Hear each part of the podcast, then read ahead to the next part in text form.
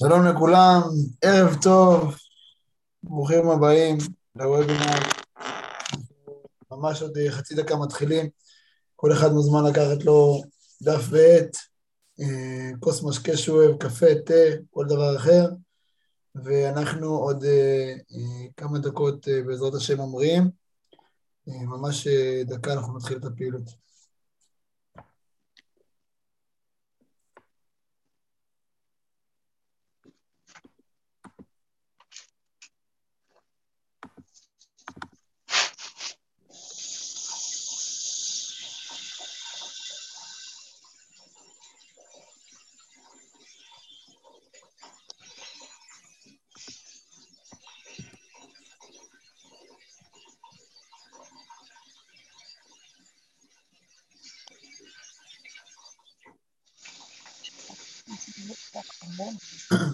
אבל אה, אנחנו רואים אור מבחוץ, נכון? מה? אם אתה תקום אחר כך תסגור לי את התריס, את התריס. טוב, שלום לכולם, אנחנו מתחילים. ברוכים הבאים לוובינר ניהול רגשי לביצוע ותוצאות בחיים באורח חיים הישגי, אה, וכמובן עם פאנץ' יהודי, שזה בעצם החידוש שאנחנו רוצים לחבר, לחבר בין ה... בין הרוחניות לבין הגשמיות, להצליח בגשמיות, להצליח ברוחניות, ובאמת על ידי זה בעזרת השם נגיעים לביצועים טובים יותר. אז שנייה לפני שנעשה ככה היכרות מלאה, אה, קצת נכיר אתכם. מי פה בעל עסק מהקהל? אוקיי, מעולה. מי פה שכיר? מעולה, מי הסתנן? אחלה. אז אנחנו בעצם, אה, ברוב המוחלט של הוובינר אנחנו נדבר על בעלי עסקים. אנחנו, סליחה, נדבר על, אנשים, על וובינר שמתאים לכולם, מתאים לשכירים ולבעלי עסקים, אה, לכל מי שהוא חי, ב, חי מה שנקרא באורח החיים הקבוע. ויש אה, גם תוכן אה, שיכול להתאים גם בפרט לבעלי עסקים ספציפיים, אז כמובן זה יכול לעניין. ואנחנו מתחילים. אנחנו מבינים שיש משפט, שהמשפט הזה הוא מאוד מאוד חשוב ומשמעותי בפיתוח האישי של הבן אדם. זה אומר, אנחנו כולנו מבקשים יותר, מבקשים להתקדם, מבקשים להצליח, מבקשים בריאות, מבקשים הצלחה, אהבה, שלום, כל אחד מבקש במסגרת החיים שלו יותר. רוצה לצמוח, רוצה להצליח יותר, רוצה להגיע לביצועים טובים יותר. וזה מבורך, זה מבורך. האדם צריך לשאוף קדימה. יש משפט שאני מאמין בו וחי אותו ומבין ככל שאני מתקדם יותר, ברוך השם, בדברים, בחיים שלי, אני מבין כמה הוא אמיתי. כאשר אדם רוצה להשיג יותר, הוא חייב להיות אדם שהוא יותר. אם מדובר על, על, על אנשים שהם בעצם מנהלים אה, פעילות עסקית, אם מדובר על אנשים שהם מנהלים פעילות שהיא לא עסקית באורח החיים שלהם, זוגיות, ילדים, כל דבר, אדם רוצה יותר, הוא חייב להיות בן אדם שהוא יותר. כי אחרת יש לו בעצם קצרים ביכולת שלו לקבל את השפע, וזה נתקע. זה נתקע, כי גם אם יש ברכה, זה חלילה ממשיך, ואם אין ברכה, אז אנחנו כבר יודעים מה קורה. אז זה הכלל שאנחנו רוצים להתחיל לעבוד איתו. כאשר בן אדם רוצה להגיע לפסגה גבוהה יותר, להגיע למשהו גדול יותר, להצליח במשהו יותר, הוא חייב להגדיל את הכלי שלו, הוא חייב להיות בן אדם שהוא יותר. בואו נצלול עם זה. עד סוף השיחה שלנו, אנחנו, עד סוף השיחה שלנו אנחנו בעצם רוצים אה, שזה יהיה בערך שעה פלוס מינוס, שעה עד שעה וחצי. אנחנו נלמד להיות, איך באמת הופכים להיות אדם שהוא יותר. איך מצליחים, מה שנקרא, לרכז את עקרונות הברזל, שיעזרו לנו להיות באופן הדרגתי שמחים יותר, משפיעים יותר וכמובן רווחיים יותר. אדם עצוב לא יכול להתפרנס ברווח. אדם עצוב לא יכול להשפיע. אדם עצוב לא יכול להניע לפעולה. אדם שהוא מוטרד, שהוא בלחץ, שהוא במחשבות שליליות, שהוא בכעסים, שהוא במריבות, שהוא בלחצים ודוחק, הוא לא יכול להשפיע את הטוב שלו, את המתנה שלו קדימה. ברגע שאדם יודע באופן הדרגתי, בתהליך סדור וברור, איך להצליח להיות פרואקטיבי, שמח, מחשבות חיוביות, מה שנקרא בריאות הנפש, הוא יכול לשלוט על המידות שלו, לשלוט על, המכונה שלו, הוא גם יכול להשפיע ולהעביר את המסר שלו לכל מי שהוא רוצה בצורה טובה יותר ובריאה יותר. אז זה בעצם המטרה של השידור היום.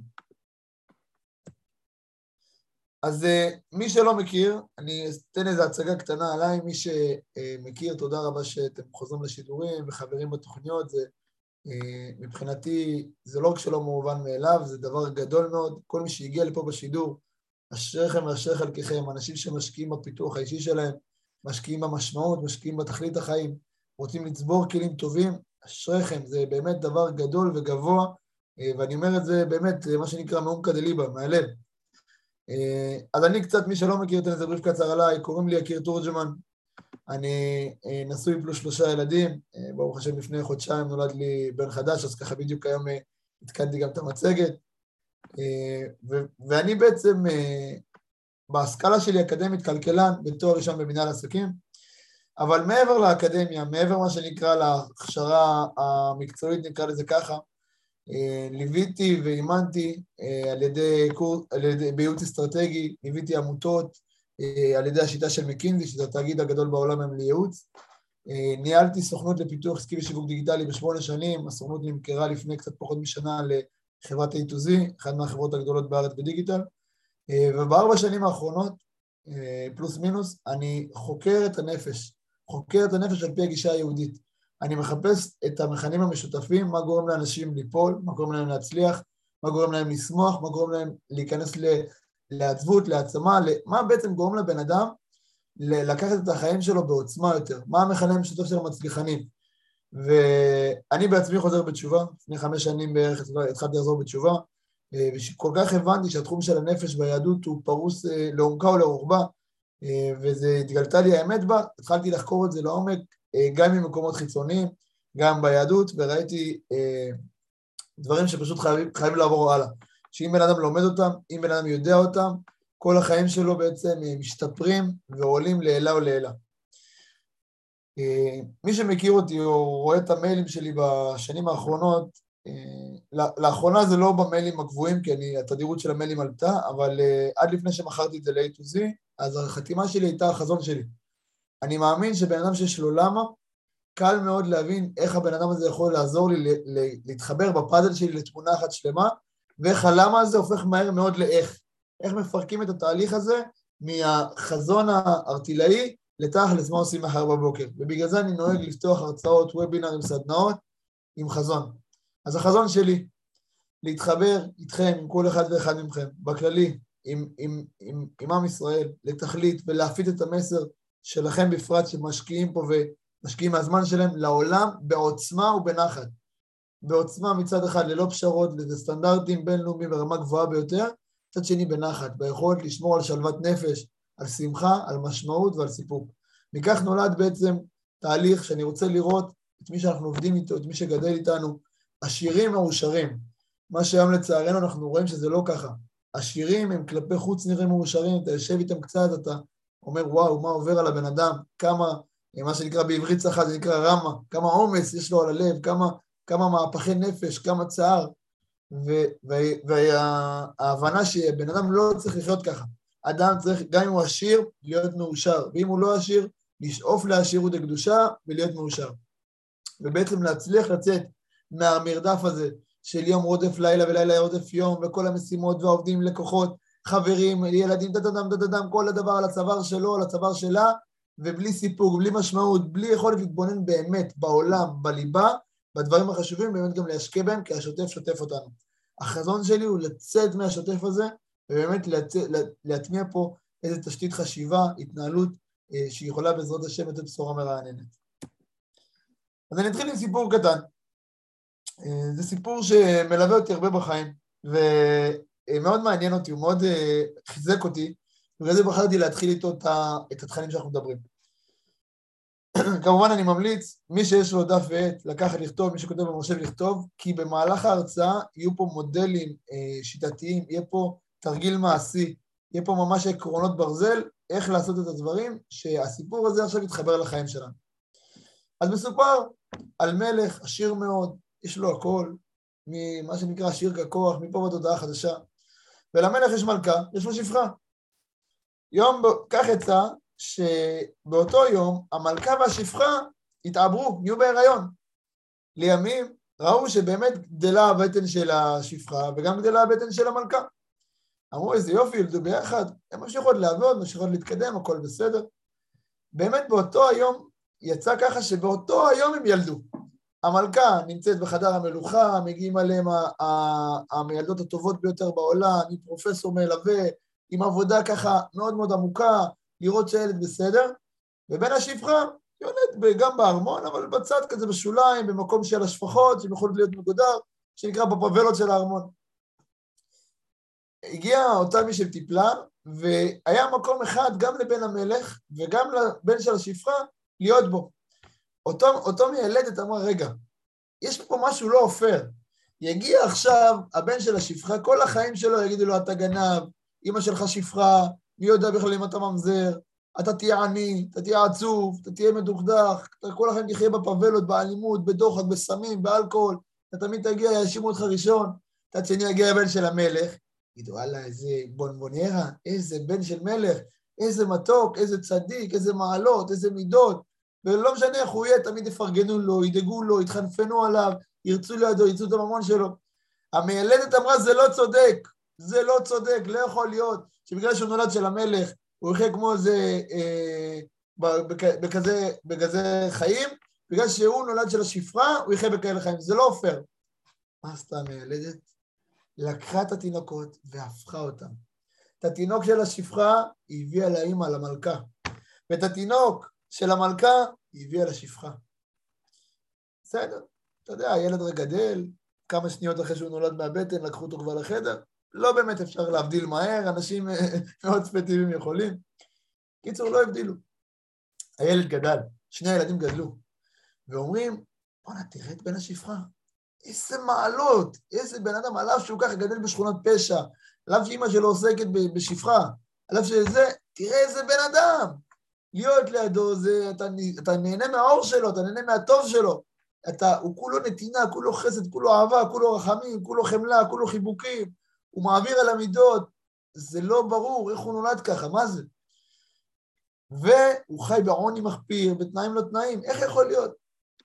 מצד שני, רואים את בן המלכה, כביכול את בן המלכה, אומרים בואנה איזה בן אדם, השתבח שמו, איזה בן אדם, שובר הכל, הורס, מגיעים המשרתים, מחלק להם כאפות, מתחיל לריב עם אנשים, נלחם, רב, מרמה, גוזר, גונב, גוזל, מה שנקרא, מבזה כל חלק של מלוכה. מקלל, אומר מילה לא עומד בה, משקר, לא מתמיד. עכשיו אומרים, טוב, המלך אומר, רגע, בוא נשקיע בו מה? מביאים לו פרופסורים שילמדו אותו כבר מכיתה א', מביאים לו אה, ייעוץ חינוכי, מלווה, אה, מלווה ברכיבה טיפולית, חוגים מהידי מין והשמאל, האוכל הכי משובח שיש, מקדמים אותו, רק תהיה, שיהיה לך טוב, רק תצליח, מביאים לו את היועצים, שמפיניון. ורואים הילד גדל והופך להיות רע, רע, משחית ורע ונלחם, וסותר את הפה של אבא שלו, ורב עם אמא שלו, הכל אצלו ככה בברדק, לא מוכן לקבל שום ערות, אין לו שום, שום התקדמות בריאה. ו, ומה שבעצם קרה, שכולם פשוט אמרו, איך זה יכול להיות? בן של מלך קיבל הכל, כל מה שצריך, כסף, מעמד, אה, מיקומים, אנשים, עזרה, ליווי, מלוכה, מה? ומצד שני, אנחנו רואים בעצם בן של שפחה שלא קיבל כלום, אבל הוא כזה מוצלח, הוא כזה מיוחד. התחילו ככה בממלכה הרבה שאלות, מה זה, מי זה, איך זה יכול להיות, איך זה קורה? המיילדת אמרה, לכם, אני לא עומדת בלחץ. אני רוצה להגיד לכם שאני החלפתי את התינוקות בלידה. הבן של השפחה הוא בן המלך האמיתי, והבן של השפחה הוא בן המלך. ו... ובעצם, תודה על השאלות, תודה רבה. כבר אני גם אענה על כל השאלות. תודה למי שכותב מעניין, אני שמח, תודה. בעצם מה קרה? אחרי שהתפוצצה ואמרה, אני לא יכולה יותר, בין השפחה ובין המלך, ובין המלך ובין השפחה. זה כאילו, כביכול נעצר המשחק. מה הסיפור הזה בא לספר לנו? כולנו, כולנו, כולנו, יש לנו יצר טוב ויצר רע.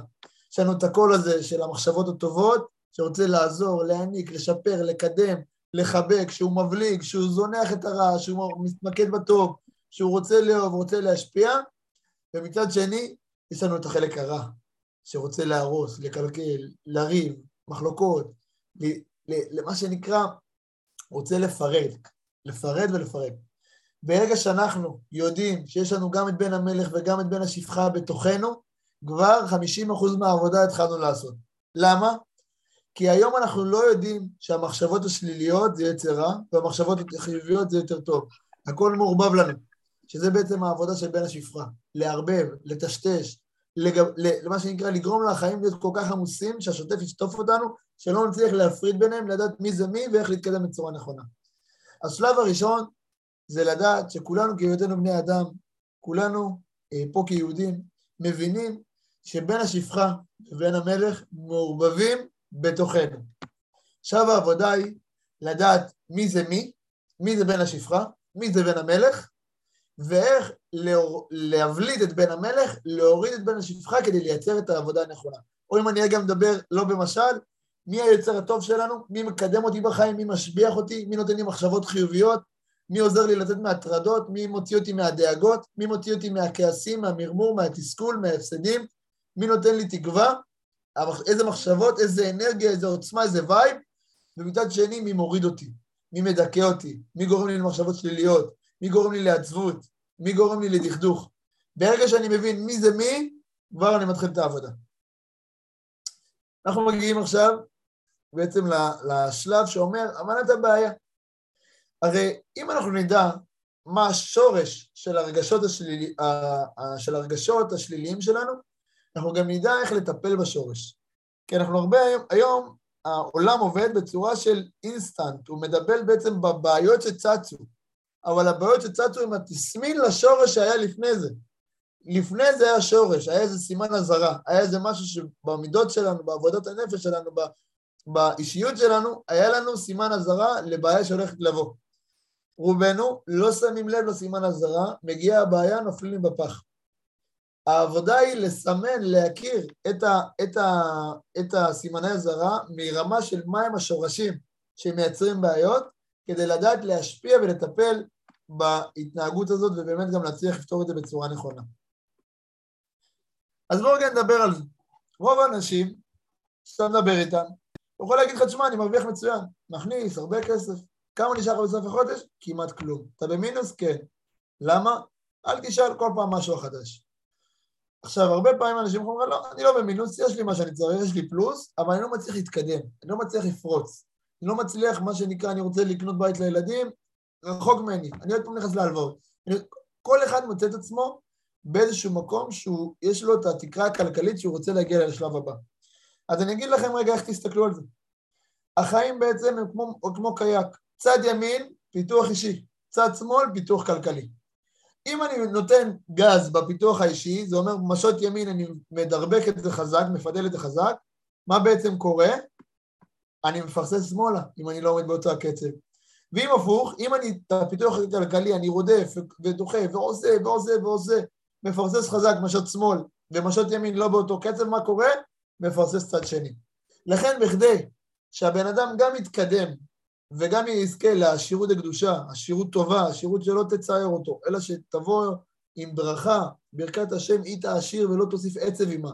הכוונה בלי עצב, בלי עצבות, בלי כעסים, בלי מריבות, בלי מחלוקות, הוא יצליח לנטרל את בן השפחה בתוך ההתעצמות הכלכלית שלו, אז בעצם אותו בן אדם יזכה לגדולה, יזכה למלוכה, יזכה באמת להצליח לראות את בן המלך שבו פורץ ולהגיע לגבהים חדשים. איך עושים את זה? עושים את זה באותו הקצב. משות ימין מתקדם, משות שמאל מתקדם, משות ימין, משות שמאל. ואז בעצם ברגע שלומדים לעבוד בשיטה הזאת, לומדים להתקדם. אז אנחנו פה בעצם רואים דבר מאוד מאוד מעניין, שבעצם מגיע, אם בן אדם רוצה להיות יותר, הוא חייב להתחיל ללמוד את המערכת הרגשית שלו. למה הוא חייב לראות את המערכת הרגשית שלו? כי אם בן אדם לא מכיר את המערכת הרגשית שלו, הוא גם לא יודע זה, מאיפה מתחילה השור של הבעיה. הוא גם לא יודע איך לנהל את הביצועים שלו, הוא גם לא יודע איך לנהל את עצמו כדי להגיע להתקדמות טובה יותר, הוא לא מצליח לשמור באופן תדיר על מצב רוח שווה. הוא יום אחד עסל, יום אחד באסל, הולך לו טוב, הוא שמח.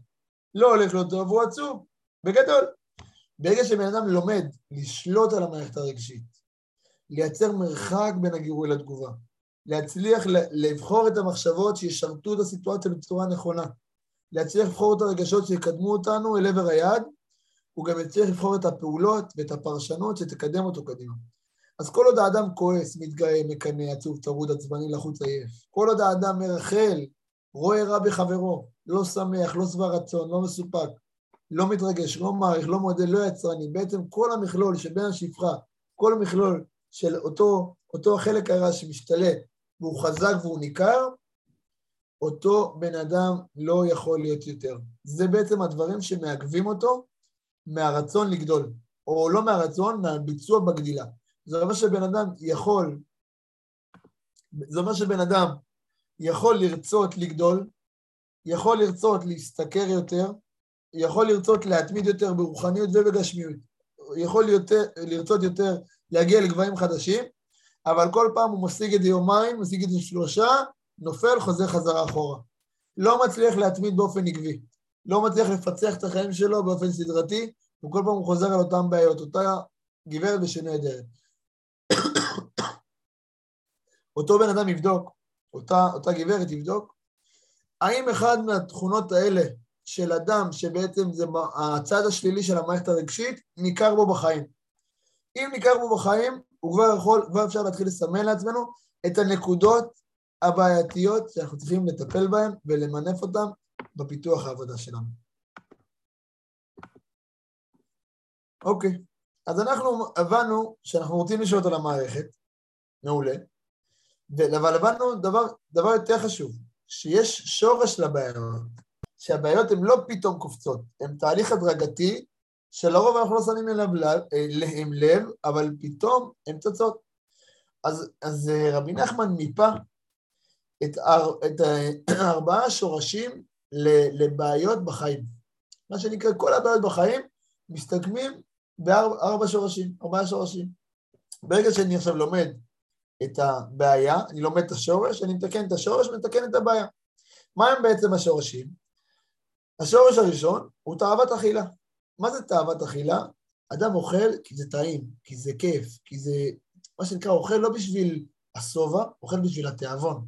אוכל ועוד ועוד, ואומר לא, לא, אם אין פה טחינה מלא פטרוזיליה, וזה לא ככה עם סלייס לימון בצד, לא קונה, לא אוכל. אם זה לא שווארמה שזה, זה, לא נותן. או ברגע שכבר הוא קנה ובא לאכול, אוכל את זה בתאווה, אוכל את זה בבולמוס. לא רגע לפני, עוצר, רואה מה אני אוכל, מה אני אוכל, למי, למי אומרים תודה, איך מברכים, איך ניגשים לזה, טאג בולס. זה בעצם מייצר לו השפעות שליליות מאוד מאוד בחיים, והשורש של זה זה תאוות אכילה.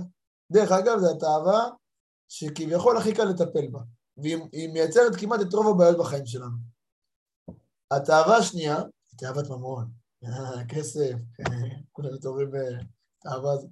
בעצם תאווה שמה היא אומרת? אנשים רוצים כסף בשביל הכסף. יש לו כבר בית, יש לו אוטו, הוא טס פעם, פעמיים בשנה לחו"ל, הוא, מת, הוא הולך לנופש בארץ שלוש ארבע פעמים בשנה, הוא עובד, הוא לומד, הוא מצליח, הוא מתקדם, אבל הוא לא שבע. עוד כסף, למה? כדי שיהיה לי עוד כסף, כי אני במעמד גבוה יותר, כי אני רוצה, אני רוצה לקנות עוד דברים, אני רוצה לרכז את עצמי יותר, אני רוצה לחסוך יותר, אני רוצה שיהיה לי ממון בשביל שאני אהיה עשיר. בעצם הממון בשביל הממון זה תאווה הכי מסוכנת, כי היא אף פעם לא נגמרת, והיא גם תאווה חכמה. מה זה תאווה חכמה?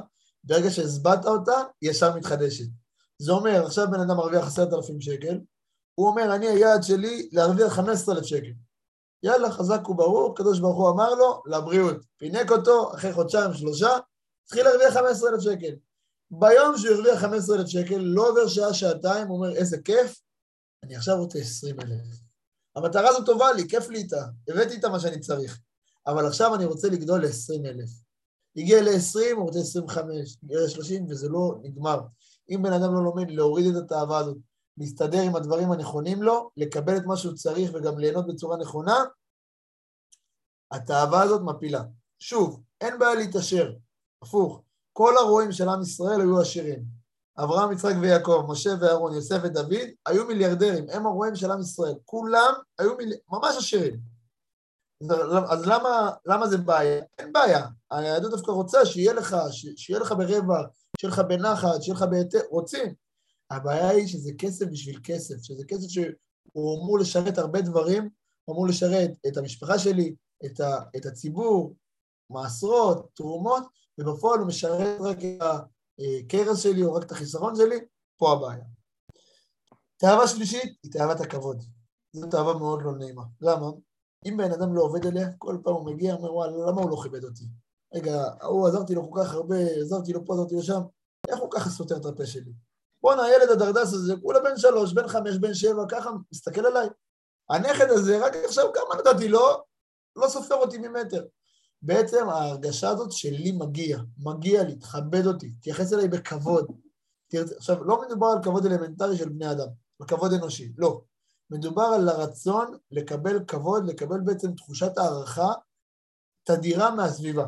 לא הערכה של ביטחון עצמי, של בעצם כיף להיות לידך, אתה בן אדם מיוחד, אתה בן אדם נעים, יש לך מידות טובות. אלא אני רוצה שהוא יכבד אותי. תאווה מסוכנת. ותאווה האחרונה היא תאוות ניאוף, מה שנקרא בינו לבינה, בינה לבינו, ועושים את זה לא בפרופורציה, לא על פי ההלכה, לא בדרך הנכונה. זה אומר שעושים את זה אה, יותר מדי פעמים בשביל השביעות של הרצון ולא בשביל, לא בשביל הפריאה ברבייה, לא, לא בזמנים נכונים, לא על פי אה, התנהגות נכונה, מייצר תחושה של חוסר נפשי מאוד מאוד גדול, מאוד מאוד גדול. אה, השורשים האלה, אם, לה, אם ב, ב, בעתיד מי שיגדל איתנו בעזרת השם יראה, יראה איך הוא ממפה בצורה חדה את בעיות החיים. זה אומר שאיך שהוא מקבל בעיה בחיים, הוא יודע לשייך אותה לשורש, ברגע ששייך אותה לשורש, הוא יודע איפה הוא נפל בשורש הזה ביום יומיים אחורה, הוא יודע איך לתקן את זה, ובעצם הבעיה כבר מסתדרת. לאט לאט הבעיה גם אם היא נשארת בהתחלה, המרירות יורדת, זה אומר יש בעיה, אבל היא כבר לא מרה וכואבת ומכעיסה, ולאט לאט הבעיה פתאום נפתרת ולא חוזרת על עצמה. ממה נוצר כאב? הרבה אנשים חושבים שכאב זה בעצם כי יש איזה חוסר מסוים, אבל בפועל זה לא נכון. כי בן אדם יכול להיות עני, בלי כסף, אבל להיות מאושר. מצד שני, בן אדם יכול להיות עם הרבה כסף ולהיות בצער מאוד מאוד גדול, מאוד מאוד גדול, בחוסר מאוד גדול. וגם הפוך, בן אדם יכול להיות עם הרבה כסף ולהיות שמח, אבל מצד שני, בן אדם שאין לו כסף יהיה עצוב. אז זה בעולם הזה, בהנהגה הזאת, זה נראה לנו ברור, ההוא יש לו, הוא חסר לו, הוא כואב לו, בסדר. אבל אני גם מדבר על היכולת, מה שנקרא, להבין מאיפה, מאיפה נובע הכאב. כי בן אדם שיש לו כסף, והוא פעיל בעסקים, עם אנשים, והוא כל יום בפגישות, והרצאות, אז יש לו אחריות מאוד גדולה, יש לו כמות אנשים שהוא עובד איתם, הוא צריך להביא משכורות מאוד גדולים, הוא, הוא מה שנקרא צריך לשרת את כל המפלטת שעומדת מסביבו מבחינת רמת ההכנסה. יש לו המון כאבים, אבל למה הוא לא מרגיש את הכאב לצורך הדוגמה? למה הוא שמח? יש לו משמעות, יש לו שליחות. הוא מצליח להבין את הנקודה הטובה בתוך הדבר השלילי. אז ממה נוצר בעצם הכאב בחיים? מארבעה דברים עיקריים. אחד, הרצון לקבל. ברגע שיש לי מציאות מסוימת שאני אומר, אני רוצה לקבל בשבילי, אני רוצה להגדיל את עצמי, אני רוצה לתת לי, מתחיל הכאב. אנחנו צריכים להפוך את הרצון לקבל, לקבל על מנת להשפיע. לרצות לקבל, לרצות לגדול, אבל לדעת שאם אני גדל, אנשים גדלים איתי, העולם גדל איתי. אם אני גדל בטוב, אני רוצה להפיץ את הטוב שלי הלאה. אם אני גדל בפרנסה, אני רוצה להעביר את הפרנסה הלאה. אם אני גדל ב, אה, בשלום, בנחת, בשמחה, אני רוצה להביא הביתה שלי את המשמעות הזאת של שמחה, של משמעות, של טוב. זה אומר שאם אני רק רוצה לקבל, תדעו לכם, יש שם כאב שהוא הולך, נאגר, נצבר ומתפוצץ באופן תדיר. הכאב השני נובע מהמתנה. מה זה המתנה? חיכיתי למשהו והוא מתעכב, אני בתקופה של אי-ודאות. זה המתנה. רבי נחמן מסביר, קחו את האותיות המתנה, תהפכו אותה, יוצר מתנה. זה אומר שאם אתה בעצם לומד לנהל את ההמתנה בצורה נכונה, אתה גם עובר מהמשבר למבשר. אתה עובר מהכל, מהפחד הזה, הפך לדחף. אתה מצליח לקחת את, ה, את, ה, את הצירוף של האותיות, את המשמעות שלך בחיים, את ההתנהגות שלך כרגע, ולהפוך אותה לכלי עוצמתי לגדילה שלך, לפיתוח שלך. ואני היום, היום אני מבין את זה בחיים שלי, וכשאני עובד עם אה, לקוחות, עם קולגות, עם אנשים, אני רוצה לראות אם אנשים מכירים את זה, שכישלון זה תהליך מובנה בהצלחה. זה לא שבן אדם הצליח פתאום, מה שנקרא הצלחה בן לילה לוקחת עשר שנים, אנשים רואים את ההצלחות, אבל הם לא יודעים כמה בדרך הבן אדם נפל. מה הבעיה? שאם נופלים ונכשלים, אה, ובעצם בכישלון, עוזבים את ההתמדה. או לא מצליחים לחדש את האנרגיה, את המשמעות, המוטיבציה, או ככה מתכופפים עם החיים, מורידים את החלומות, את הסיפוק, את המשמעות, לאט לאט יותר למטה, אז בעצם המתנה נדחית ואנחנו נשארים בתקופת המתנה. מה שגורם לצבירה. צבירה זה שכעסתי על מישהו, רבתי עם מישהו, קרה משהו לא לרצוני, בסדר, אלו החיים, אבל בעצם צברתי את זה בלב, והלב הוא לא מחסן. אם אני צובר את זה בלב, הוא לא יכול לאחסן את הרגשות האלה, הוא פשוט מתחיל להתפוצץ. אז הלב שלנו, אם הוא עובד מסודר, הוא עובד בתדר שהמוח אומר ללב מה לעשות, הלב אומר לכבד, כבד זה בעצם כלי המעשה, ויוצא לביצוע. אם הלב הופך להיות מחסן, בעצם הוא צוואר, אז הוא לא מצליח לשדר למוח בצורה כזאת. אז מה הוא עושה? הוא יורד לכבד, מהכבד עולה לראש, מהראש עולה לכבד, הוא בעצם עולה, יורד, עולה, יורד. זה מה שגורם לחוסר עקביות, חוסר התמדה, חוסר הישגיות, חוסר פרואקטיביות. זה מה שבעצם מבלבל את האדם. ואז מה קורה? מגיעים כישלונות שהם לא חלק מובנה ובריא מה, מההצלחה, אלא כישלונות שנבעו מחוסר טיפול במערך הרגשי שלנו, במערך המקצועי שלנו, ויצרו צבירה בלב שבעצם מפרקת זוגיות חלילה, מפרקת שלום בית, מפרקת חינוך ילדים, מפרקת פעילויות עסקיות, מפרקת מיזוגים, מייצרת הרבה הרבה סבל. ואחרון, ציפייה שלא הוגשמה. רק אני רוצה רגע, תרשמו לי בצ'אט מי כאן שומע אותי והכל בסדר ורואה אותי, שאני אראה שככה כולם איתי. תרשמו רגע בצ'אט אני, שנראה שאפשר להתקדם.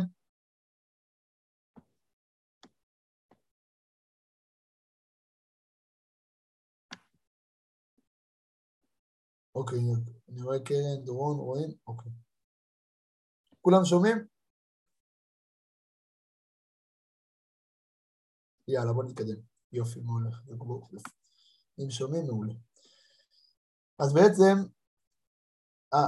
ההבנה הזאת, ההבנה הזאת של לדעת איך אנחנו, איך אנחנו יכולים לקחת ציפייה שלא הוגשמה, ואיך אנחנו יכולים לקחת את הציפייה, יכולים לקחת את ההמתנה, יכולים לקחת את הרצון לקבל, ולהבין את השורש של הכאב שלהם, את השלילי, לנטרל אותם ברמת השורש, כדי להצליח באופן עקבי, נכון, וסדרתי, כמו שהצגנו בשקופית הקודמת, להגיע אל עבר המחשבות החיוביות, השמחה, המשמעות, השליחות, העשייה, היצרנות, החיבוק, האהבה, הנתינה, שזה בעצם האתגר שאנחנו בעזרת השם רוצים כבר להתקדם עכשיו.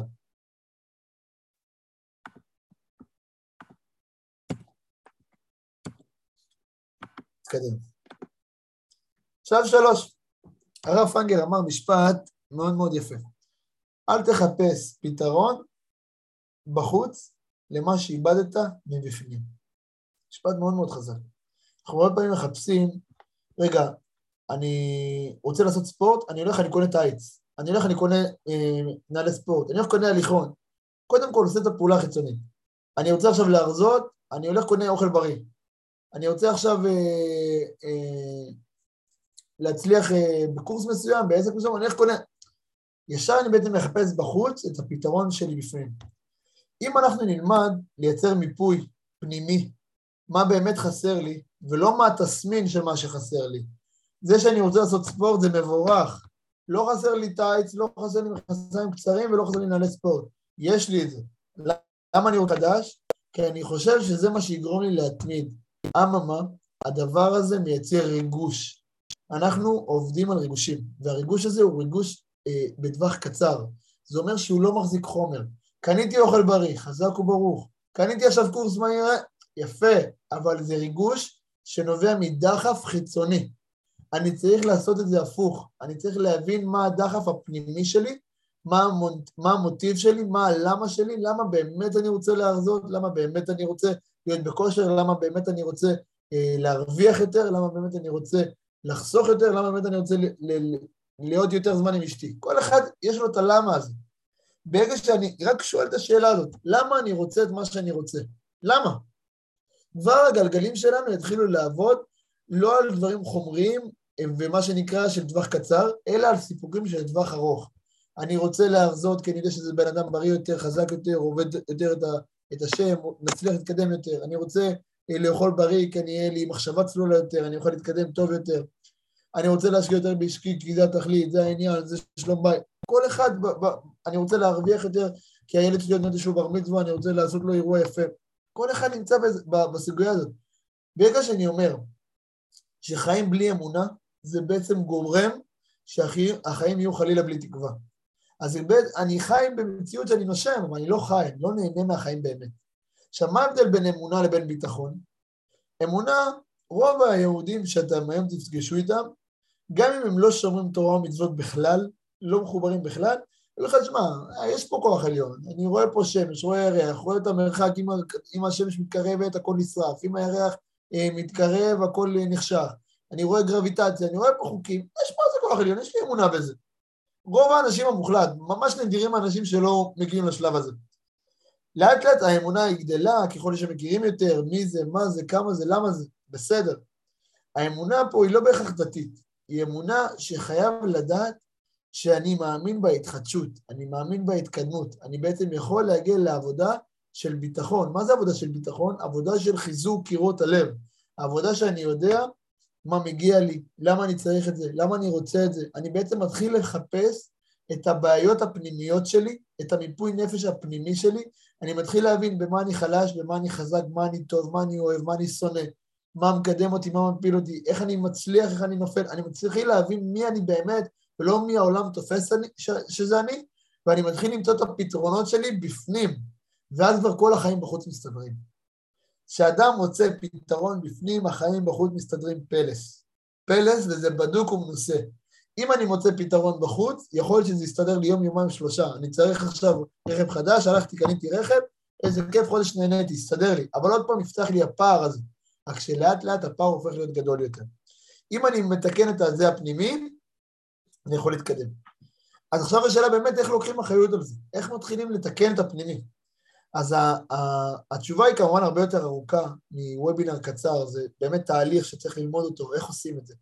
אבל ככותרת, על קצה המזלג, כדי לגרות לכם את הנשמה, להבין לאיזה גברים אתם יכולים להגיע, לאיזה ביצועים אדירים אתם יכולים לתת, שאתם לא מתארים לעצמכם בכלל את המשמעות, את הסיפוק, את האנרגיה, את החוויה, את הכרת הטובה שיהיו לידכם, את האנשים שירצו לעזור לכם, את הטוב שאתם תעשו למשפחה שלכם, זה פשוט אדיר, זה מנופים שאי אפשר לתאר.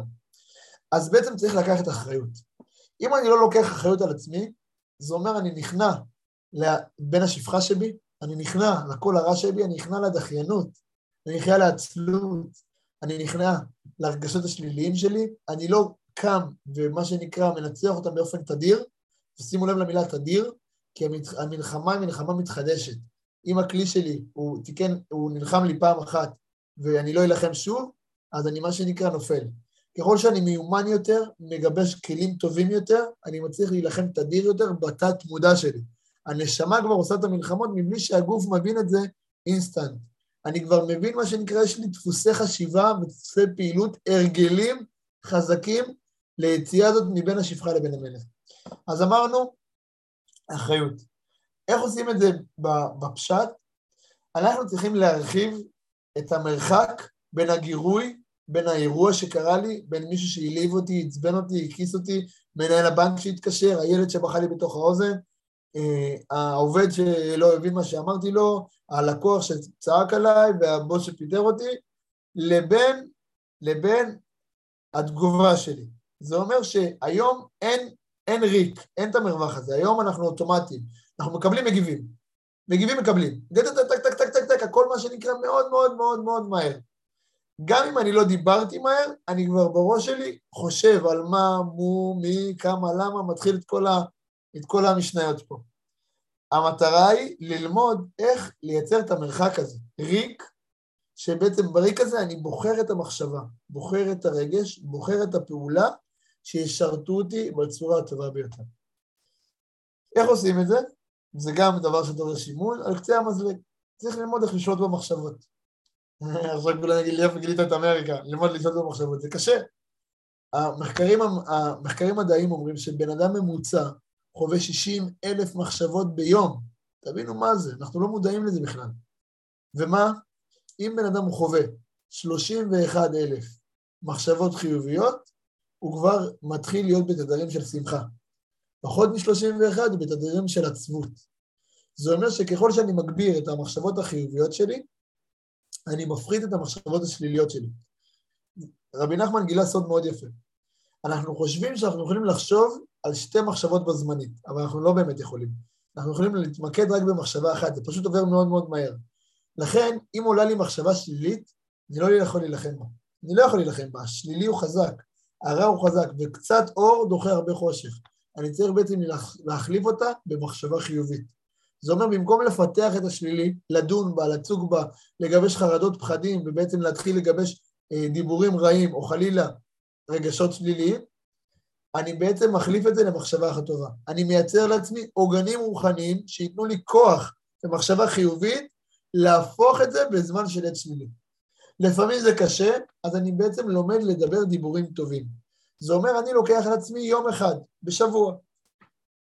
קשה לי יום, שעה, קשה לי שעה, עשר דקות. בעשר דקות האלה אני לא מתלונן.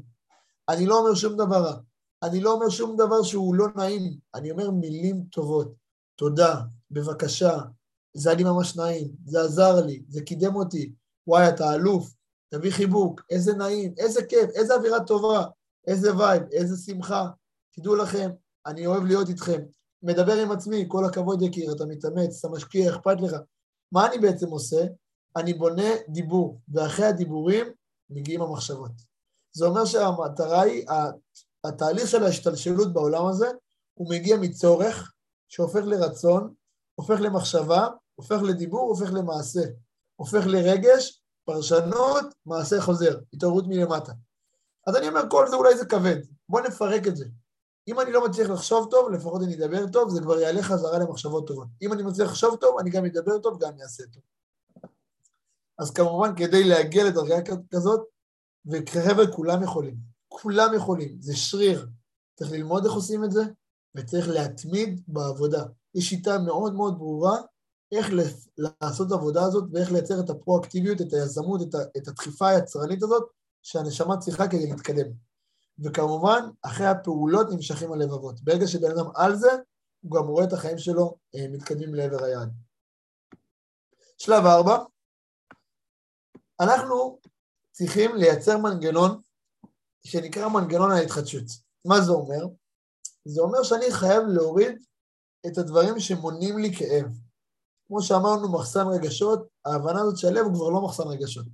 הלב הוא כבר לא מחסן שאני זורק אליו קינה, זורק אליו כעס, זורק אליו עצבות, זורק אליו מרמור, זורק אליו בואנה, הוא אמר לי ככה, ולא מגיב.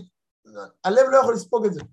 אנחנו בעידן של רגש, הלב חם, הלב רותח, אנשים רגישים מאוד. ברגע שאנחנו לא יודעים לנהל את הלב, הלב מתבלבל. הלב מתבלבל, המערכת שלנו, המכונה שלנו, הגוף, מתבלבל. הגוף מתבלבל, יש עצבות, יש כעסים, יש לחצים, יש חרדות, יש דוחק, יש אי-הבנה, יש חוסר שביעות רצון, חס ושלום.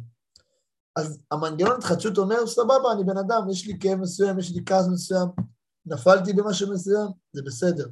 אני צריך להתחדש, אני צריך להתחיל מההתחלה. מה שהיה, היה. אם אני יכול לשנות, אני אשנה, אם אני לא יכול לשנות, אני מקבל את זה ומתחיל מההתחלה. עצם האמירה הזאת בתוקף מייצרת תהליך סיגמנטלי, בעצם תהליך שהמחשבה שלנו מתחילה לחשוב על מחשבות חיוביות, מתחילה להתקדם לעבר עשייה הנכונה של התחדשות. דבר הבא, אני בעצם מחליט, זה אומר שבמהלך היום רוב האנשים, אם הם לא בעלי עסקים או לא מנהלים בכירים, הם לא מחליטים החלטות. הם בעצם זורמים ומגיבים למציאות שהגיעה אליהם. אבל אם בן אדם מחליט, אני מחליט לא לסחוב את העבר אל העתיד, אני מחליט לא לסחוב את הכעסים, אני מחליט לסלוח, אני סולח. בעצם אומר את זה בכל רמה עם החלטה. מה שקורה, המוח משדר ללב החלטה, לב יקר, זאת ההחלטה לביצוע, סע לשלום, סע ברכה, זה כרגע המשימה, אתה סולח. וברגע שהלב מקבל פקודה, הוא מיישם. אנחנו מכירים שמחשבה בונה מציאות, רגשות בונה מציאות, מכירים את זה. אנחנו גם יודעים, גם ביהדות זה מובן, שמחשבה יש לה תוקף גדול, שיכול לשנות הכל, בזוהר הקדוש אה, כתוב שהכל הולך אחר הרצון, זה לא דברים שמחדשים לנו בפסיכולוגיה בחוץ, אבל אנחנו יודעים את התוקף ואת הכוח של המחשבה. אז ברגע שאני לומד לעשות את זה בתהליך של פיתוח, של אימון, ואומר לעצמי, אני לומד איך לא לסחוב, איך לסלוח ואיך לתת פקודות ללב, אני כבר מה שנקרא מוריד לעצמי אחוזים מהכאב מאוד מאוד ניכרים.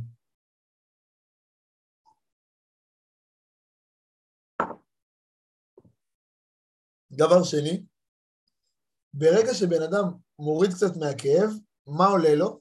עולה לו השמחה, עולה לו המשמעות, עולה לו הרצון לתת, הרצון להשפיע, עולה לו היצרנות שבו, עולה לו הרוחניות שבו, בעצם עולה לו האמונה, התקווה, עולים כל הרגשות החיוביים, מתחילים לצוף. כשהרגשות החיוביים מתחילים לצוף, מה קורה? הבן אדם מתחיל להיות שמח יותר, מאושר יותר, ובאמת הוא גם מצליח להרוויח יותר ולהגיע להישגים שהוא רצה. זאת אומרת שאם הייתה לי מטרה, כל מטרה רוחנית, להצליח ללמוד Y דבר, X דברים, חומרית, להרוויח X כסף ב-Y זמן, אה, חומרית וגשמית, כל דבר, כל, אנחנו מגדירים את המטרה בעצם כדי לצאת לתהליך, בן אדם חייב את ה... לאן הוא רוצה להגיע. היום, במציאות שאנחנו לא מאומנים, אז בעצם אנחנו נופלים וקמים, נופלים וקמים, מתמידים לא מתמידים. יומיים בדיאטה, שלושה ימים לא. יומיים בדיאטה, פירקנו ביס מהעוגה. יומיים אה, מרוויחים טוב, עושים פעולות, עושים סרטונים, מקדמים, שלושה ימים לא. כל הזמן on off, on off. אבל ברגע שאנחנו בעצם לומדים איך לייצר כן את השיטה הזאת, שתלמד להוסיף את הרגשות החיוביים, לקנות את הרגשות החיוביים ולהטמיע אותם ב system, אנחנו לומדים איך באמת מתוך השמחה הזאת לייצר את הפרואקטיביות שהיא עקבית ורציפה. אה, ההבנה הזאת שכישלונות זה תהליך מובנה בהצלחה. זה אומר שאם אני סובל מכישלון, אני לא הבנתי נכון את הכישלון. הכישלון הזה לא לימד אותי. הוא לא נתן לי את השכל באותו הדבר להבין מה רוצים ממני באותו הדבר להתקדם. מה הקדוש ברוך הוא רוצה ממני פה? מה, מה מדברים אליי? מה, כל זה מקרה? כל זה... לא, יש פה איזה סדר מסוים. ההשגחה ככה סובבה שזה יגיע אליי בצורה כזאת, נכשלתי, אני לא, אני לא מוכן לסבול, אני לא סובל מזה. אני אלמד מזה, אני אתחקר את זה, נתקדם מפה, ומתקדם מזה קדימה. והיכולת ללמד את עצמנו, אנחנו ניגע בזה בהמשך, וכמובן שהתוצאה לא מעידה עלינו כאדם. אני כן צריך לדייק את הפתרון שלי, לדייק את האישיות שלי, להשפיע יותר טוב בעולם, אבל התוצאה הרגעית היא לא משהו שמעידה עליי כבן אדם, וזה מאוד מאוד חשוב בשיפוט העצמי שלנו. אנחנו לומדים בשלב חמש, שדבר שנקרא אין, אין ואקום. כמו שאמרנו, זה או שאתה עצוב או שאתה שמח, או שאתה שמח או שאתה עצוב. אין גם שמח, גם עצוב. בין המלך ובין השפחה לא יכולים להתערבב ביחד. תמיד יהיה קול דומיננטי. זה אומר שאני יכול להיות בשמחה, כאילו לא יסתר לי כלום, אבל אני בדאגות, אני בלחצים, אני בחרדות. אז אני לא נהנה מהשמחה, אני לא נהנה מכל מה, ש... מה שיש לי, כל מה שחנן אותי, אני לא נהנה. זה אומר שאם יש לי את הכל, אבל אני לא נהנה מזה, אז כאילו אין לי כלום. כי אם אין לי דעה, אין לי משהו. אבל אם יש לי את הדעת הזאת, אז כבר זכיתי בהכל. אז בואו נקרא את לשונו של רבי אהרון מקרלין, שאומר משהו מאוד יפה. אין ואקום בנפש, אי אפשר להיפטר מהעצבות מבלי לעורר תחתיה חלופה רגשית. לכן הציע להקפיד על השמחה. שמחה מעידה יותר מהכל שהאדם רואה את עצמו בעיניים נכונות ועובר תהליך של התבוננות ולב נשבר. אני כבר אסביר. תהליך שבו הוא מבין שהוא לא מושלם, מכיר בנפילותיו ושמח על ההזדמנויות שניתנו לו. זה מתוך חיי שליחות של הרב גוסמן על פי דוקטור יחיאל הררי. מה בעצם יפה פה? שהלב הנשבר, מה זה כלי שבור? קחו כוס שבורה. מה היא עושה? לא יכולה לעשות כלום, היא לא יכולה למלא את התפקיד שלה. לב נשבר, זה אומר שאם הלב הוא שבור, הוא, הוא מבואס, הוא מדוכא, הוא לא, יכול, הוא לא יכול למלא את העבודה שלו. מצד שני, לב נשבר ממקום של כיסופים, ממקום של התבוננות, ממקום של אני מבין מי אני, אני מבין איפה אני נמצא, אני מבין שאני רוצה להתקדם ואני לא מלכה את עצמי, אני לא כועס על עצמי, אני מקבל את זה, אני מכיל את זה. אני נושם עם זה, זה בסדר, אני מקבל את זה כחלק מהחיים שלי, זה המצב שלי, זה, זה, זה השיוורון שלי. מפה אני מתחיל לתקן, מפה אני מתחיל להתקדם. ההתבוננות הזאת היא כבר דרך של עשייה חיובית, שבעצם מקדמת אותנו אל עבר השמחה, אל עבר ההשפעה, אל עבר האמונה, אל עבר היזמות ואל עבר גם ההצלחה. רק על ידי שמחה יוצאים ממה שמושך אותנו לרע. זה אומר שאנחנו הרבה פעמים נופלים בדברים רעים, ואנחנו לא מבינים מה זה, אבל פשוט היה לנו עצבות לפני. היה לנו עצבות לפני, היה לנו כעסים לפני, היה לנו לחצים לפני, הלחצים האלה, העצבות הזאת בעצם התפוצצו. ואז איך זה בא לידי ביטוי? אתה רואה פתאום אישה מדברת עם הילדים, בהתחלה היא סבלנית אליהם, פתאום הם קצת משגעים אותה, אחרי שעה, שעתיים, מרימה את הכל, לא מקשיבים, צועקת עליהם, מתעצבנת עליהם, רבה איתם. אתה רואה את הבעל, מגיע לילדים, למה אתם לא מקשיבים לי? למה אתם לא... אני רוצה לראות כאלה הרבה אנשים שמגיע בעל, מה, אני הגעתי, למה אף אחד לא, לא מדבר, למה אין אוכל? למה... הוא בא בתלונות. מגיעה אישה, רוצה לצאת, הולכת לעבוד, מתקדמת, רץ, זה, זה, זה, מצפה לקבל מבעלה דיבור טוב, חיבוק, נשיקה, איזה יופי, שלום אשתי, איך היה לך? והוא ככה, מה שנקרא, על הפנדי, לא מדבר, לא זז. תראה לה אכזבה. האכזבה צוברת, היא מתפוצצת. אותו דבר לגבר, הוא מצפה לקבל איזה כבוד מסוים, איזה, איזה קשר מסוים, מתפוצץ לו. בעסקים אנחנו רואים את זה המון. בפעילות עסקית רואים את זה כל הזמן, שאנשים בעצם מצפים וזה, וזה מתפוצץ להם. ולכן אלה הפעולות שצריך לעשות כדי לתקן את, ה, את הפיתוח שלנו. שלב הבא זה ניתוח והסקת מסקנות. זה אומר שברגע שהבנתי מי שולט בי כרגע, על פי הפרמטרים של מה זה מה. יצר טוב, בן המלך, יצר רע, בן השפחה. יצר טוב, יש לו בעצם תופ... אה, תופעות לוואי, נמרצות, מש... מש... משמעות בעבודה, רצון לעשות, להשפיע, לעזור, לתת, השמחה והלב טוב, הכיסופים, ה... זה שאני מפרק הכל, הכל קל לי, הרגליים שלי קלות, אני לא, אני לא ברד, אני לא כבד כזה. מהירות, עקביות, התמדה, סדר וארגון, עומס חיובי, שעוד מעט תראו מה, מה, מה הדבר הרע בעומס חיובי, מה הדבר הרע בעומס, מחשבות חיוביות. זה בעצם, אני מבין שהיצר טוב שולט בי. יצר טוב שולט בי, אני חייב ללמוד איך להג... לייצר מזה נכסים רוחניים, שאם חלילה יצר טוב ייפול, או רע ייכנס, אני אוכל להצליח מהר מאוד לשלוף את היצר רע ולהכניס את היצר טוב. להוציא את בן השפחה, להבין שהוא פה הוא מרמה, הוא לא בן המלך, הוא לא יכול להיות אצלי בבית, הוא צריך לצאת, וצריך להיכנס בן המלך. והבן המלך הזה אותו יצר טוב, אני יודע לשלוט בו ולהתנהג איתו. מצד שני, מה התסמינים של היצר רע? עייפות. בן אדם מרגיש חמש בצהריים, עייף, תשמע, אני גמור. קם בבוקר, שמונה, תשע, עשר, כולו מפרק, מה קרה? אין לי כוח, טוב, עוד יום לסחוב. מרגיש של מה שנקרא יום סוחב יום. בלבול. בלבול זה אחד מהתסמינים הכי גדולים של היצר רע. ברגע שאנחנו לא יודעים מה לעשות, גם זה וגם זה וגם זה, לא ברור לי כמה בעיות. בעצם יש איזו אחדות כזאת של הבעיות, זה תסמין מאוד מאוד מסוכן. עצבות, עייפות, אה, עצבות, עצלות ודחיינות. רצון רק לקבל, דאגות, מתח ועצבנות, לחץ. מה זה בעצם עומס? עומס זה הרבה משימות שבן אדם צריך לעשות. הפרשנות של העומס בזמן קצוב זה לחץ. אבל אם אני מפרש את זה בצורה חיובית, אז אני אומר, וואלה, ברוך השם, אני פרואקטיבי, אני מתקדם, אני עושה, אני, אני משפיע, אני לא ככה מחכה שהדברים יסתדרו, אני בעניינים, אכפת לי, אני נותן, אני תורם, אני עוזר לאנשים. הלחץ הוא מסוכן, האומץ חיובי הוא בריא. וכמובן, מכת הדור, מחשבות שליליות, חרדות וטרידות.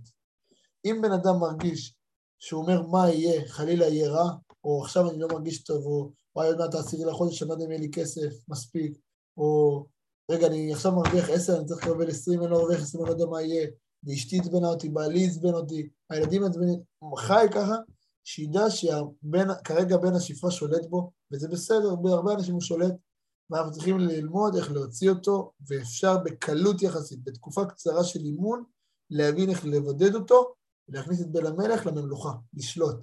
רק צריך לדעת מי שולט, כדי לדעת איך, איך להזיז את הדברים בצורה נכונה. יש קטע שאני חושב שכל בן אדם צריך ללמוד אותו, כי הוא קטע שבעצם מלמד תכלס, אז מה צריך לעשות? קוראים לקטע ארץ אוכלת יושביה. כתב אותו, זה כתוב בליקוטי מאורן, בספר של רבי נחמן, כתב אותו רבי נתן, תורה קפ"ז. אני אקרא אותו בקצרה, את הלשונו של הרב, וננסה בעזרת השם להסביר. וערך השם החסד, כי אתה תשלם לי איש כמעשהו. היינו, שהוא חסד גדול מאת השם יתברך, שהוא משלם לאדם מידה כנגד מידה, שעל ידי זה הוא מבין לפשפש במעשיו ועל ידי החטא שפגע בו ולשוב בתשובה אחדה, שעיקר מה שמשלם השם יתברך מידה כנגד מידה הוא בארץ ישראל. זה שכתוב על ארץ ישראל, ארץ אוכלת יושביה. ראשי תיבות, אתה תשלם לאיש כמעשהו. ועל כן, היושבים שם בארץ ישראל, יש להם על, על פי רוב ייסורים, מחמת שממהרים שם לשלם לאיש כמעשהו. מה אנחנו לומדים פה? רוצה לקבל טוב? קודם כל תיתן טוב. זה אומר שבן אדם, יש הנהגה שנקראת מקם, מידה כנגד מידה. מה, איך שהלב שלך פועל, ככה אתה תקבל. עכשיו, היה לי איזו עסקה עם בן אדם שאני מאוד מכבד, מאוד מעריך אותו. ורציתי לסגור איתו את העסקה, אז ככה התקדמתי איתו, דיברתי איתו, התקדמנו למשא ומתן, אמר לי, דע להכיר, אני עכשיו אומר לך משהו. אם התשובה שלך באה לי בטוב, התקדמנו. נראיתי איתך. לא בא לי בטוב, אני אומר לך תודה רבה, שא ברכה, תן לי מהמשרד, אני לא רוצה להתקדם איתך. מה, מלחיץ, מה? אנחנו פה כל כך הרבה במשא ומתן, כזה דברים חשובים, וברומו של עולם, פתאום אתה ככה שם את זה על משפט? אמר לי, כן. אמרתי לו, יאללה, אתה יודע מה? בוא, אני איתך. תן לי בראש. אומר לי שהקדוש ברוך הוא ייתן לך כמו הלב שלך. אמרתי לו, אמן. הוא אומר לי, תדע לך, זה משפט שלפני שאני יוצא לקשר עסקי, אישי או בין אישי עם בן אדם, אני מברך אותו את הברכה הזאת. אם הוא אומר אמן, אני יודע שהוא עובד על עצמו, גם אם הלב שלו עדיין לא טוב, גם אם עדיין יש לו את הבעיות, עדיין יש לו חרדות, עדיין יש לו קשיים, עדיין יש לו נפילות, זה בסדר, אנחנו בני אדם, אף אחד לא מצפה מאיתנו להיות מלאכים. אבל הוא עובד על עצמו, אכפת לו, הוא משתנה, הוא מחזיר, הוא לא מה שנקרא מחזיר את החומר גלם כמו שהוא קיבל, הוא דייק את היהלום, הוא ליטש אותו, אני מוכן להשקיע איתו, אני מוכן לתת איתו למסע החיים. אבל אם הבן אדם לא אומר אמן, מתחיל להגיד, אה, תשמע, תראה, בסדר, אתה יודע, שלא נדע, דברים כאלה, אותו בן אדם, אני יודע שהלב שלו הוא מחסן, עם אנשים שהלב שלהם מחסן, הם לא יצליחו להתקדם בצורה קבועה ולפרוט את הגבולות של החיים שלהם, אני לא יכול להגיד לו, אני לא יכול לתת איתו, ולכן אני חותך את זה בשלב הפגישה. אמרתי לו, חזק וברוך, אימצתי את זה לחיים. זה חזק. אז באמת, מה אנחנו מבינים? אתה רוצה להיות טוב, אתה רוצה לקבל טוב, אתה רוצה ילדים בריאים, אתה רוצה ילדים צדיקים, אתה, את רוצה להצליח בזוגיות, את רוצה להצליח בקריירה, אתה רוצה פרנסה ברווח ובשפע, בנחת, בלי, בלי לחץ, בלי עלבון, בלי, בלי עצבים, תלמדו, בואו נלמד ביחד איך להיות טובים יותר. מה זה באמת, מה, מה נקרא טוב ומה הפרמטרים של טוב ואיך מדייקים את עבודת המחשבה, עבודת הרגש, עבודת המעשה. ברגע שאנחנו לומדים את זה, הפאזל מסתדר, הופך להיות תמונה אחת, ורואים בתקופות מאוד מאוד קצרות את המנוף שהאנשים חווים. ממש לשים חגורת בטיחות כי טסים למעלה. עכשיו, זה לא אני מבטיח לכם, אני מה, אני, אני הקטן, בסוף מלמדים תהליכים. אנחנו יושבים פה ב, ב, בכל הצורה הזאת על תורת אלוקים. אנחנו יושבים פה על כל חז"ל, יושבים פה על תנאים, על המוראים, על, על חסידות, אנחנו יושבים פה על תכנים שנכון שהעולם המודרני, שאני לומד אותו, בקיא בו, מבין המון ממנו בכל ההרצאות שלי, בפסיכולוגיה, ב-NLP, במדעים, מחקרים, הכל בא ובסוף מצדיק מה שיש לנו בבית כבר אלפי שנים אחורה. וברגע שאנחנו לומדים את השורשים, אנחנו מהר מאוד מתקנים אותם. כי אם אנחנו כל הזמן לומדים את הענפים, את הדברים המודרניים שצצים עם טרנדים ומגמות, אז קשה לנו להבין את השורש האמיתי של איך באמת להיות טובים יותר. ועכשיו, אני אבקש מכם, מי שרוצה מוזמן לפתוח מצלמה, מי שלא מוזמן בצ'אט. האנשים שהגיעו עד השלב הזה בשידור, אנשים מאוד מאוד מעניינים בעיניי, זה אנשים מיוחדים. זה אנשים שיש להם קשיים, אבל הם מוכנים להילחם בהם ולהצליח אותם. זה אנשים שמבינים שמגיע להם טוב יותר. זה אנשים שהם יודעים שהם יכולים להגיע לגבוהים הרבה יותר טובים ולמצות את החיים שלהם. ואני אגיד לכם יותר מזה. זה אנשים שאכפת להם מהסובבים שלהם, מהבעל, מהאישה, מהילדים. זה אנשים שרוצים להשפיע טוב. ואני באופן אישי מכיר טובה, אני מעריך אתכם, אני מודה לכם שהגעתם לשלב כזה בשידור. זה אומר לי שאתם באמת אנשים שמחפשים את הטוב וזה מרגש אותי, אשריכם, באמת אשריכם. ואני רוצה לדעת מי כאן רוצה ליצור שינוי בחייו. תרימו רגע יד, תכתבו בצ'אט, תרימו במצלמה, אתם יכולים או בזום ללחוץ על היד או לכתוב אני, או במצלמה. סימונה, איילת,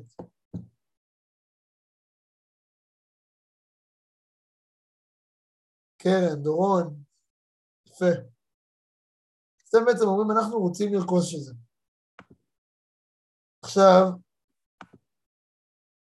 סיוון, מעולה. בן אדם שרוצה, יצליח. בן אדם שרוצה, גבר או אישה, שרוצה, יצליח. למה אומרים הכל הולך אחר הרצון? קרן, למה אומרים הכל הולך אחר הרצון? אז למה אני לא מקבל כל מה שאני רוצה? למה אני לא מקבל את זה? הרצון לא מספיק מוגדר, לא מספיק מבורר, ולא עושים איתו את הפעולות הנכונות לייצר ממנו תוצאות של מציאות. צריך לדעת את ההכוונה, איך לוקחים את הרצון לתכלס. אז מי שרוצה, הבשורה שלי, הוא יצליח. צריך להתמיד בזה, צריך להבין איך, צריך להגיד, לדעת מה השלבים, צריך לתרגל את זה, אבל הוא יצליח ובגדול. בעזרת השם. שלב שבע, חיי שליחות. בן אדם שחי רק בשביל עצמו, רק בשביל עצמו, לא יצליח בחיים. תמיד יהיה לנו את השבירות, תמיד יהיה לנו את הקשיים. בן אדם שבעצם עובר את התהליך הזה שעכשיו דיברנו, מרוצה למשהו שתשמע, זה נחמד לי, אם יהיה לי סבבה, אם לא, גם סבבה, גם לא יצליח. זה צר לי לבשר את זה. בן אדם שרוצה, אבל הוא לא מחויב לתהליך, הוא לא מחויב לפתרון, הוא לא מחויב לשליחות שלו, הוא לא מחויב לסיים פה את המאה ה-20 שנה באיכות חיים, ברווחה, בטוב, לתת לילדים טוב, לתת לאנשים שנמצאים לידו טוב, החיים בעצם לא יצליחו לדייק לו את הרצון. במהלך החיים הוא יכופף את הרצון שלו, או היא תכופף את הרצון לאור נסיבות החיים. וברגע שבן אדם עובר בתודעה מאוד נכונה מרוצה למחויב לשינוי, אני מחויב פה להצלחה, אני מחויב. מבחינתי אני שורף את הגשר אחורה, אני הולך להצליח, כי אני יודע שמגיע לי להצליח, מגיע לי חיים מלאים בסיפוק, באושר, ברוחניות, בבריאות, בטוב. כי מי... לא מהיותי יקיר, לא מהיותי סימונה, שמואל, נטע, זוהר, סילבי, כל בן אדם, לא מהיותי בן אדם, מכוח הנשמה שיש בי, מכוח חלק האלוה שנמצא בתוכי, מכוח בן המלך ששם בי והוריד אותי לעולם הזה ונמצא בי, מגיע לו, מגיע לנשמה הזאת לפרוח. ואם לה מגיע, מי אני שאני אעצור בתוכה? מגיע לאותו חלק אלוה שבי, שכל אחד יודע בעצמו את הכישורים העילאיים שלו, וכמה אנשים לא מכירים את זה, וכמה הוא עדיין לא יצא החוצה, וכמה מכירים חלק קטן מהאישיות האדירה. מגיע לנו מכוח הייחוס, הייחוס שלנו כבני מלכים להצליח לתת למלוכה לשלוט בנו. יגידו לי יומרני, יגידו לי אה, שחצני, אני אגיד לכם, הכל בסדר, יש מקורות להכל. לכל אחד ואחד מאיתנו מגיע, מגיע היכולת להגיע לביצועי שיא פורטי גבולות, לחיות חיים מלאים משמעות. השלב העיקרי פה הוא באמת ההבנה שאם אני רק ארצה ולא אעשה פעולות מיידיות ליישם את זה, אני בעצם לא אצליח להתמיד ברצון, אני חייב להיות מחויב לתהליך, חייב. אז אם אני רגע רוצה לעשות איזה, איזה בריף קטן, יפה, עתליה אומרת, הכי מגיע לי שאוכל להעביר את זה הלאה. זו דרגה מאוד גבוהה. ברגע שבן אדם רוצה לקבל על מנת להשפיע, זו דרגה מאוד גבוהה. זו דרגה שיהודי צריך לעבוד בה. אותה הוא צריך לדייק ולמקד אותה קבוע. איך הפיתוח שעברנו כעת קשור בעצם לשגשוג, קשור למה שאמרנו, קשור למגיע לי הזה, קשור להצלחה הכללית והכלכלית. אז נגיד את זה בקצרה. הגוף, קיבלנו גוף. גוף, קיבלנו גוף, יש בתוכו נשמה, קיבלנו פה מספר שנים לחיות, כל אחד מי יותר מי פחות, בעזרת השם כולנו עד 120 בבריאות, אריכות ימים, בשמחה, ברווחה, עד בלידי. קיבלנו פה מספר. יש פה כלי רכב להפצת בשורה. כל אחד ואחד מאיתנו, יש לו בשורה ייחודית שלו, שרק הוא או היא יכולים לעשות. אני לא יכול לעשות את העבודה של שמעון, שמעון לא יכול לעשות את העבודה של איציק, איציק לא יכול לעשות את העבודה של רפאל, רפאל לא יכול לעשות את העבודה של יקיר. לכל אחד יש ניצוץ, יש חלק בפאזל שצריך להביא אותו לתמונה הכללית. וברגע שהוא מביא אותו, התמונה הופכת להיות תמונה אמיתית, תמונה יפה ומרשימה. קיבלנו פה כלי רכב להשפעה. כאשר הנשמה בריאה, הגוף בריא. כשהגוף בריא, לא תמיד תהיה הנשמה בריאה. כי מה ההבדל בין תרנגול לבין תרנגולת, על דרך המשל? תרנגול, אם הוא לא אוכל, מה הוא עושה? מי שמכיר, הוא מפרק את הלול. קופץ, אה, קווה, מנוגח, שותה, קופץ על הבז מים, על הנסורת, הוא שובר את הלול. מה עושה תרנגולת שלא אוכלת? היא פשוט מורידה את הראש, הולכת לצד הלול, מורידה את הראש, דועכת, דועכת, דועכת, עד שהיא מתה. זה אמיתי, הבדל בין תרנגולת לתרנגולת. המשל הזה נמצא בטבע כדי להראות לנו מה ההבדל בין גוף לבין נשמה. הגוף לא אוכל שעה, שעתיים, יום, יומיים, לא, לא יכול יומיים. יום אחד הוא לא אוכל, כאבי ראש, אקמול, עצביל, עצבים, תדלם, איפה הקפה, איפה הנס, איפה הזה, מה שנקרא, כל היום אני בעצבים, ברמה, איך אני יכול לא לאכול? בסדר. הנשמה יכולה לא לאכול 50 שנה, 80 שנה, לא לאכול כלום, לא לקבל את האוכל שלה, ומה היא עושה? היא לא בועטת, היא לא רבה, היא פשוט דועכת, דועכת, דועכת, הולכת לפינה. אבל מה קורה כשהנשמה דועכת? העצבות חוגגת, הדיכאון, החוסר סיפוק, הכעסים, החרדות, הלחצים, כל הבן השפחה שאנחנו מדברים עליו בשעה האחרונה, מתחיל לעבוד. ובן השפחה לא יכול לעבוד שהנשמה נמצאת, כי היא הרבה יותר חזקה ממנו, היא מניפה אותו ברגע. אבל ברגע שהנשמה לא מקבלת את האוכל שלה בצורה נגישה, נעימה, נוחה, בקצב, בכלי שהיא יכולה להכיל, אין לה אוכל לנצח את הרע. אין לה אוכל לנצח את הרע, הרע מתחזק. ותזכרו, קצת אור, קצת, דוחה הרבה חושך. אנחנו לא צריכים להילחם בחושך היום בדור שלנו, צריכים קצת לדעת ללמוד להוסיף אור. אז בעצם, שהמוח והלב באותו הקו, קל יותר לקבוע ידים. לפרק אותם למשימות ולהשיג אותם. יותר מזה, עבודת המידות, היכולת שלנו באמת להיות שמחים, מאושרים, להיות אנשים שהם טוב לנו באמת בחיים, נובעת מעבודת המידות והופכת לתדירה, ישימה והרבה יותר מהירה. האדם יוצא מאזור הנוחות, הוא משתפר, הוא מתעלה, שהתחלנו, אנחנו גם מתקרבים לסיום. כאשר האדם מתעלה, כל העולם מתעלה איתו. האדם רוצה להיות יותר, הוא חייב להיות אדם שהוא יותר. אתה מתעלה קצת, את מתעלה קצת, הצלחת פעם אחת לבלום את הפה שלך בשעת מריבה, הצלחת פעם אחת לא לריב עם בעלך, הצלחת פעם אחת לקבל משהו בהכנעה, משהו באהבה, משהו בשמחה, הצלחת פעם אחת להוריד חרדה מהמחשבות שלך, הצלחת פעם אחת לא לריב, לא לשים כוח, לא להיות אגו, לא. פעם אחת, הקצת אור הזה דחה הרבה חושך, התעלית, העולם התעלה איתך. עכשיו, הרצון הוא להצליח לייצר סיסטם, קבוצה, שעובדת ביחד על זה, משקיעה באופן תדיר, ומצליחה להתקדם כדי להפוך את זה להרגלים בנפש שלנו, להרגלים בחיים שלנו. אז כמו שאנחנו יודעים, יש ימים שאנחנו בעלייה, יש ימים שאנחנו בירידה. הבעיה שזה ככה גם הביצועים שלנו בחיים. כאילו אם אנחנו, מה שנקרא, עולים, ואז הכל נופל, ואז פתאום נופלים, ואז כלום לא דופק, החוסר רציבות הזה גורם שיהיה קשה להתמיד לטווח הארוך, עומס, לחוץ, אנחנו לא נהנים מהחיים, ורק ממוקדים רק להרוויח. אני רק רוצה עוד, עוד, עוד, ולא באמת מפרק את זה לעשייה. אני אתן לכם משפט, שאפילו אם תקראו רק את המשפט הזה מהשיחה מה, מה, המשותפת שלנו, אפשר להגיד כמעט דיינו. אדם לא מטפס למטרות שלו, הוא נופל להרגלים שלו. זה אומר שאם אני לא אלמד לייצר הרגלים רוחניים טובים, הרגלים של מידות טובות, הרגלים של הכלה טובה, הרגלים גשמיים טובים, אני כל פעם אפול. כי אני קשה לי לטפס למטרה שלי, קשה לי להגיד, אוקיי, אני קונה השנה דירה לילד, אוטו אה, לאישה, אה, מתקן את המידות שלי, אה, עושה, לומד תורה ככה וככה, או לומד גשמיות ככה וככה, עושה ככה, ויסתיים השנה וזה יהיה מאה. קשה מאוד מאוד מאוד, נדירים האנשים שמטפסים למטרות שלהם. רוב האנשים בעצם רואים את ההרגלים שלהם, הופכים להיות המטרות החדשות. הם יצרו הרגלים טובים, בתורת המצליחנים לומדים שבעצם בן אדם הוא. הוא אופי. אופי זה סל של הרגלים.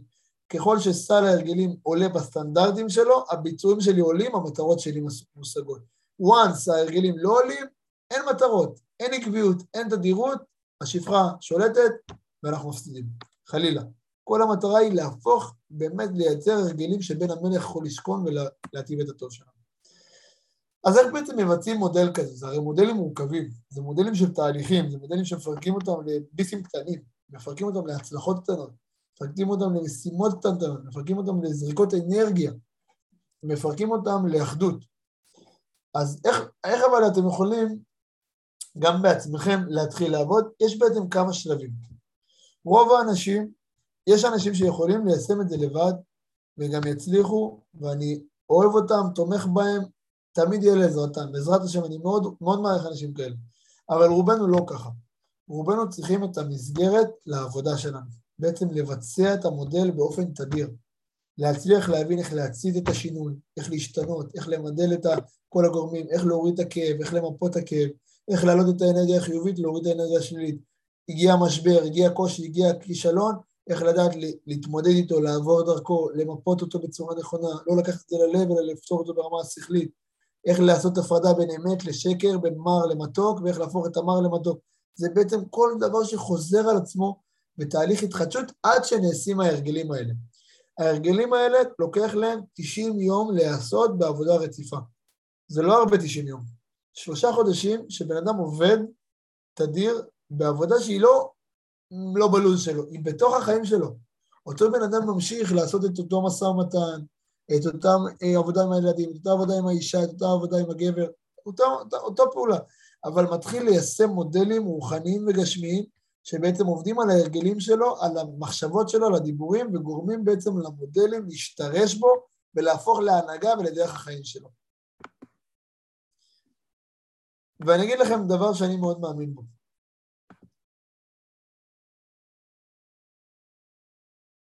אשרייך, אשרייך, עתליה, איזה דברים מחזקים.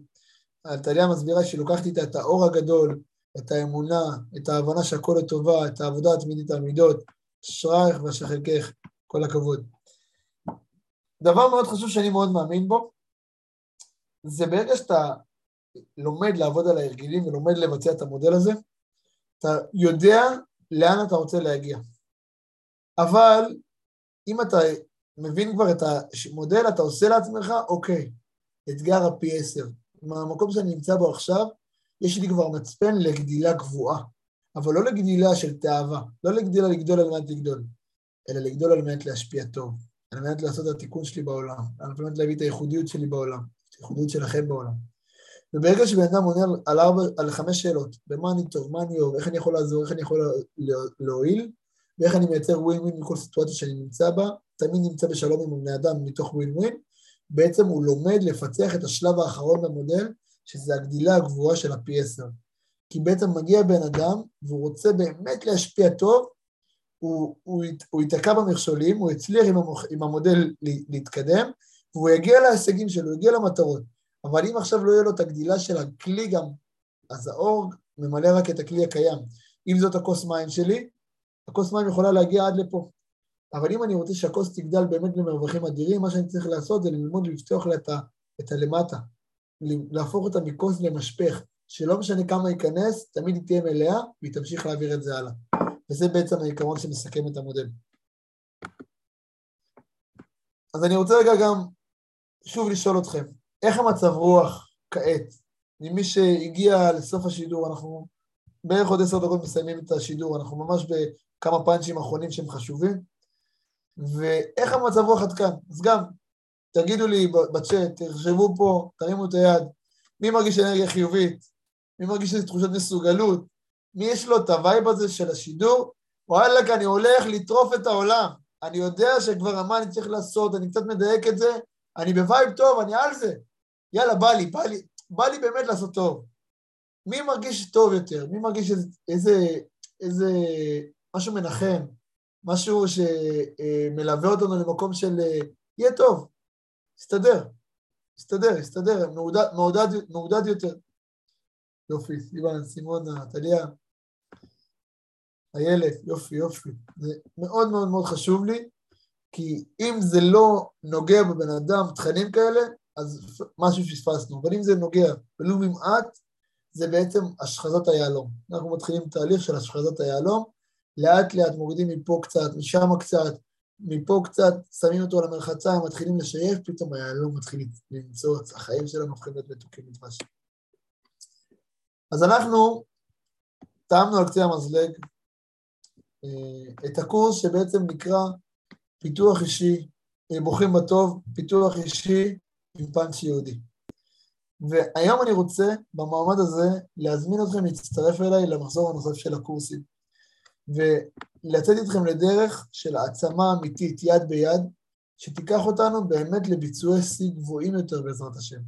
בכל הרבדים שדיברתי עכשיו בהרצאה, בדיפ וור, בעבודה עמוקה, תודעתית, בעבודה רגשית, בעבודה שהיא בעצם משלבת מודלים רוחניים יהודיים, משלבת מודלים פסיכולוגיים מתקדמים, משלבת את המדע, משלבת NLP, משלבת באמת הרבה פרקטיקה וכלים, כדי שכל אחד ואחד מפה, שיבין לאן הוא רוצה להגיע, יראה גם את הדרך להגיע לזה, ובעזרת השם גם יגיע, יכבוש את זה, ויזכה לעיקרון פי עשר קדימה. אז באמת אני שאלתי את עצמי, וואלה, כמה זה שווה? לקבוע מטרות ולהשיג אותן, מבלי, מבלי לאכול את כל הכאבים והמרורים בדרך, אלא גם אם יהיו כאבים, לדעת לפרק אותם אחרת, לדעת לא לסבול את זה, אלא ליהנות מהחיים. להצליח להתמיד, לנהל את הזמן שלי בצורה נכונה, לנהל את המחויבויות שלי בצורה נכונה, להצליח להיות עקבי, תדיר, להצליח מה שנקרא להיות ב vibe שאני באופן קבוע מצליח לדגור על המים. אין הטיפה החוצבת בסלע מכוחה, אלא מכוח התמדתה, כך אמר רבי עקיבא שראה טיפת מים נוזלת על אבן. ברגע שהוא אמר, אם הטיפת מים הזאת נוזלת על אבן ועשתה בו חור, גם התורה בגיל 40, שאני לא יודע קרוא וכתוב, לא יודע, לא יודע, מה שנקרא בור ועם הארץ, לא מחובר לכלום, היא תיכנס בי. ורבי עקיבא הפך להיות גדול הדור, גדול עולם, עשיר תבל, כל הברכה התקיימה בו. רוב התורה שבעל פה הגיע מרבי עקיבא. למה? כי ההתמדה זה המפתח שלנו להצלחה. ואנשים היום, כולל אני, בתהליך, אני, אני כבר ארבע שנים בתהליך כזה, וכל פעם אני משפר ומשפר ומדייק ומתפלל על זה ועובד על זה, וגם כשאני נופל אני קם, איך לדייק את מערך ניהול הזמן שלי. ככל שאני גודל יותר, אני עמוס יותר, אני, אני עובד יותר, אבל אני לומד איך להתמיד בעוגנים שחשובים לי בחיים. וזה מסע החיים, נכון? עתליה, אם את רוצה, אנחנו מחפשים עובדים וברוכים בטוב, אני רואה שאת כותבת דברים חבל על הזמן. דבר נוסף, לבנות תוכנית עבודה וליישם אותה. זה אומר שאם אני יודע לאן אני רוצה להגיע, זה, יעזור, זה טוב, אבל אני גם חייב לדעת מה אני צריך לעשות, מה המשימות הרלוונטיות אליי. לא מה שרלוונטי לשמעון, רלוונטי לסוזי ולרלוונטי לאיציק. מה רלוונטי אליי כיקיר, תוכנית עבודה אישית, הן בפיתוח האישי, הן בפיתוח הכלכלי, כדי לחבר את זה ביחד, כי אנחנו מאמינים שזה חייב לגדול ביחד. הבן אדם חייב להגיע לתודעה הזאת, שהוא הוא, הוא מתוך השקפה שיש לו הכל בממון, ברווחה, בבריאות, בשמחה, הוא מקבל החלטה. הוא מצליח להגיע לתודעה הזאת. וכמובן, מה שלי באופן אישי מאוד חשוב, זה האנרגיה. זה היכולת להיות באנרגיה חיובית, ב vibe טוב, בשמחה. אז מי שמכיר את המחירון שלנו, פגישה איתי של אחד על אחד עולה 585 שקלים. זו פגישה של שעה, שיושבים ועושים בעצם אסטרטגיה ראשונית. שלוות נפש, שמחה מתחדשת, עבודה על האישיות, כמה זה שווה בשנה? אני לא ידעתי לנקוט סכום. לא ידעתי לנקוט סכום, אני חושב שזה שווה אינסוף, זה דעתי.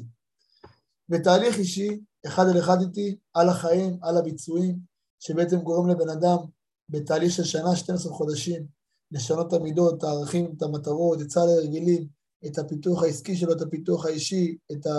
כל מיני אלמנטים שהם בעצם רלוונטיים בחיים האישיים, הפרטיים והמשפחתיים שלו, עולה 36,000 שקל בשנה.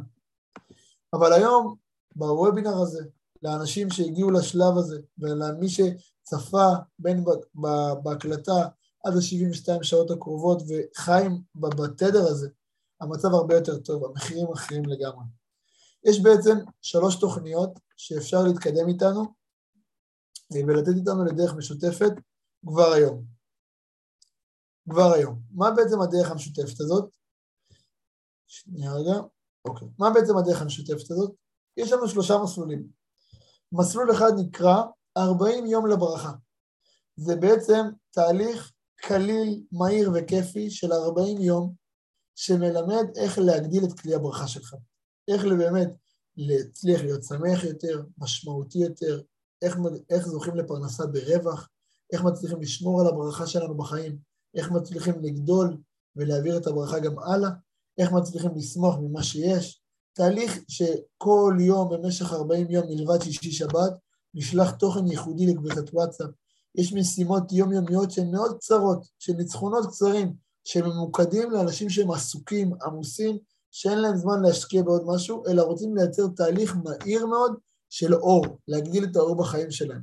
וכמובן נכנסים לקבוצה, למשפחה, למשפחה לוחמת שעובדים ביחד, מתייעצים ביחד, לומדים ביחד.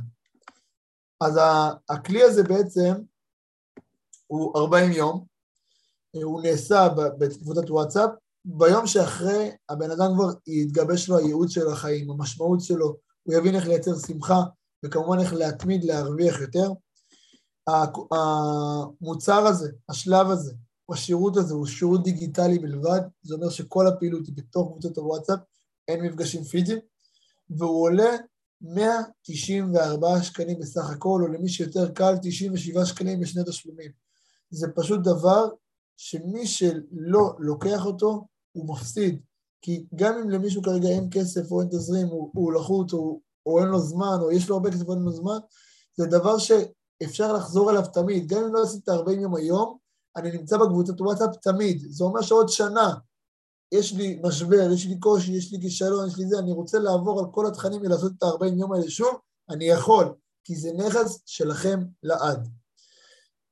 אה, דבר שני, זה בעצם קורס הליבה של ברוכים בטוב. זה הקורס שמלמד מאלף עד תף את כל מה שלמדנו במודל פה, איך מיישמים אותו, איך מגשימים אותו, איך מפרקים אותו לעשייה תכלס ולא רק בכותרות, אלא ממש בגשמי, במעשה, בהשתדלות.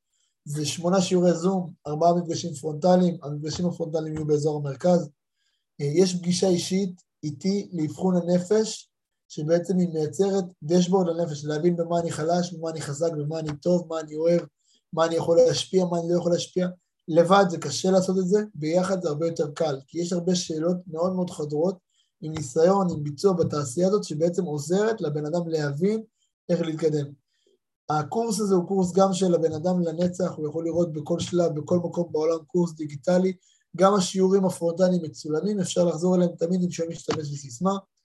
אה, זה בעצם כלים שהם מאוד מאוד הוליסטיים, שחייב אותם בארסנל של הבן אדם להצלחה, מתוך תורת המצליחנים, מתוך, תורת, מתוך כמובן העולם היהודי על פי תורת ישראל, והכלי החזק שבמיוחד מקבלים פה בתהליך הזה, הוא שזה תהליך של שלושה חודשים, אז גם מצליחים להוריד באופן משמעותי את החרדות, את הפחדים ואת המחשבות השליליות. אנשים באופן מעידים על עצמם שהם בעצם מצליחים להתמקד יותר בטוב של החיים. אז באמת מה מקבלים מתוך זה? זה תהליך של שלושה חודשים, אה, שמונה שיעורים בזום, ארבע מפגשים פרונטליים, זה יוצא בערך מפגש כל שבוע, שבוע וחצי, תלוי בלוח קלנדרי, אה, ששומר על קצב יזמי כיפי, המפגשים הם בשעות הערב, הכל מוקלט, אפשר תמיד לחזור על זה, ואז גם אם אתה לא באותו קצב של הקבוצה, אתה יכול לחזור ולעשות את זה תמיד.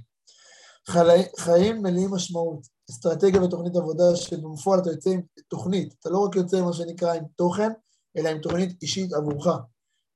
וכתוב לך איזה כלים להשתמש, מתי להשתמש. הקורס הזה הוא גם פרונטלי וגם דיגיטלי, הוא קורס שעולה 1,800 שקלים או 180 שקלים בעשרה תשלומים אה, שאפשר ליישם. ויש לנו בוכים פה. הבוכים פה זה בעצם תהליך עומק. זה תהליך שהוא הוא, הוא אישי מאוד.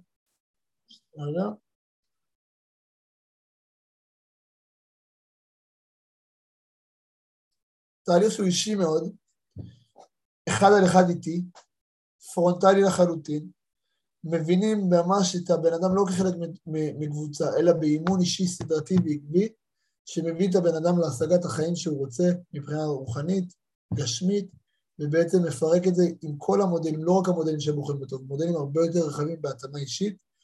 זה גם תהליך של שלושה חודשים, הוא מבוסס, התהליך הזה בעצם מבוסס על אה, שישה מפגשים אישיים, אה, הוא תהליך של שלושה חודשים כדי להטמיע את ההצלחה, והוא בפועל יוצר ממש שיפור בניהול המחשבות, בניהול הרגשות, בשיפור הביצועים, וכמובן בשרירים הכלכליים שלנו לייצר ברכה ולשמור עליה. פה כל הקורס הוא פרונטלי, כל השיעורים בעצם והדגשים והעבודה האישית שלנו היא באחד על אחד בוואטסאפ, בטלפון, בעבודה סדורה עם לו"ז קבוע מראש, והקורס הזה עולה 7,800 שקלים, שאפשר לשלם אותו ב-2,600 שקלים בשלושה תשלומים. אפשר לשלם אותו בשלושה תשלומים, זה בעצם אה, אה, המודלים. אז כל אחד ואחד מפה שרוצה שינוי, שמחויב לשינוי, יש אנשים שמתאים להם לגדול מהר, יש אנשים שמתאים להם לגדול לאט, יש אנשים שכבר יודעים מה הם רוצים מעצמם, יש אנשים שרוצים לברר. יש אנשים שכרגע מתמודדים עם משבר, יש אנשים שכרגע הם אחרי המשבר והם דווקא בעלייה מאוד גדולה. יש אנשים שיש להם כסף, יש אנשים שאין להם כסף, יש אנשים שיש להם זמן. כל אחד הוא מגיע ממקום אחר. התוכנית פה היא בעצם נועדה להנגיש את זה לכולם, להצליח לצאת מפה עם קבוצה שהיא משפחה, שהיא לוחמת, שהולכת בעזרת השם להשיג את המטרות ואת היעדים בצורה טובה, בריאה וסדורה. זה אומר אם בא לכם לקחת את זה קצת יותר לאט, המסלול הראשון מתאים לכם, ש-40 יום לברכה, בא לכם לקחת את זה בקצב, בתהליך מאוד מאוד בריא, קורס הליבה של ברוכים בטוב, תהליך שאני מעורב בו אישית ומאוד מאוד אוהב אותו, מאוד מחובר אליו, זה בעצם המסלול, ובא לכם ממש מה שנקרא Deep Work, להיכנס חזק, לפרק את הדברים ולהתחיל להשפיע, זה התהליך. איך מתקדמים פה קדימה? קורס בעצם זה הקורס הליבה, זה הדברים שאנחנו יוצאים איתו. בפועל, הדימוי העצמי המנצח, הכרת הנשמה, אמונה עצמית, תהליך האיתור הייעוד, הגדלת ההכנסות, הפורמטים לניהול, תהליך הברכה, המדידה, דויט, יש פה בעצם המון המון פעולות, המון דברים שהבן אדם נהנה מהם והוא מקבל אותם פשוט לנצח נצחים. כי כל דבר, אפילו קטן, ששינינו בהרגלים שלנו, ששינינו במחשבות, ישפיע לנו טוב, לא רק יום, לא יומיים ולא שלושה, ישפיע לנו טוב לנצח. הוא ייתן לנו כלים להתקדם לאור חיים ושנים טובים בעזרת השם. וברגע שלבן אדם יש כלים שהוא יכול לחזור אליהם גם תמיד, זה אומר שעשיתי את הקורס, עצרתי באמצע, אני יכול להמשיך אחרי שנה, אחרי שנתיים עוד פעם. אני כיקיר עדכנתי עוד תכנים, הוספתי עוד לאותו קורס, אתם נהנים מהעדכון הזה תמיד, אתם בעצם הופכים להיות המשפחה של בוחרים בטוב שגדלים איתנו תמיד.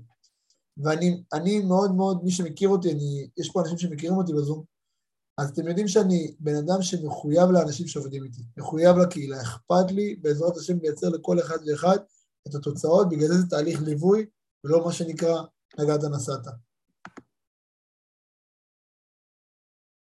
תודה רבה לסימון הטיוברים, תודה רבה. אז באמת למה אני עושה את זה כל כך אטרקטיבי, כמו ששמתם לב, המחירים פה הם מאוד כיפים לימים הקרובים.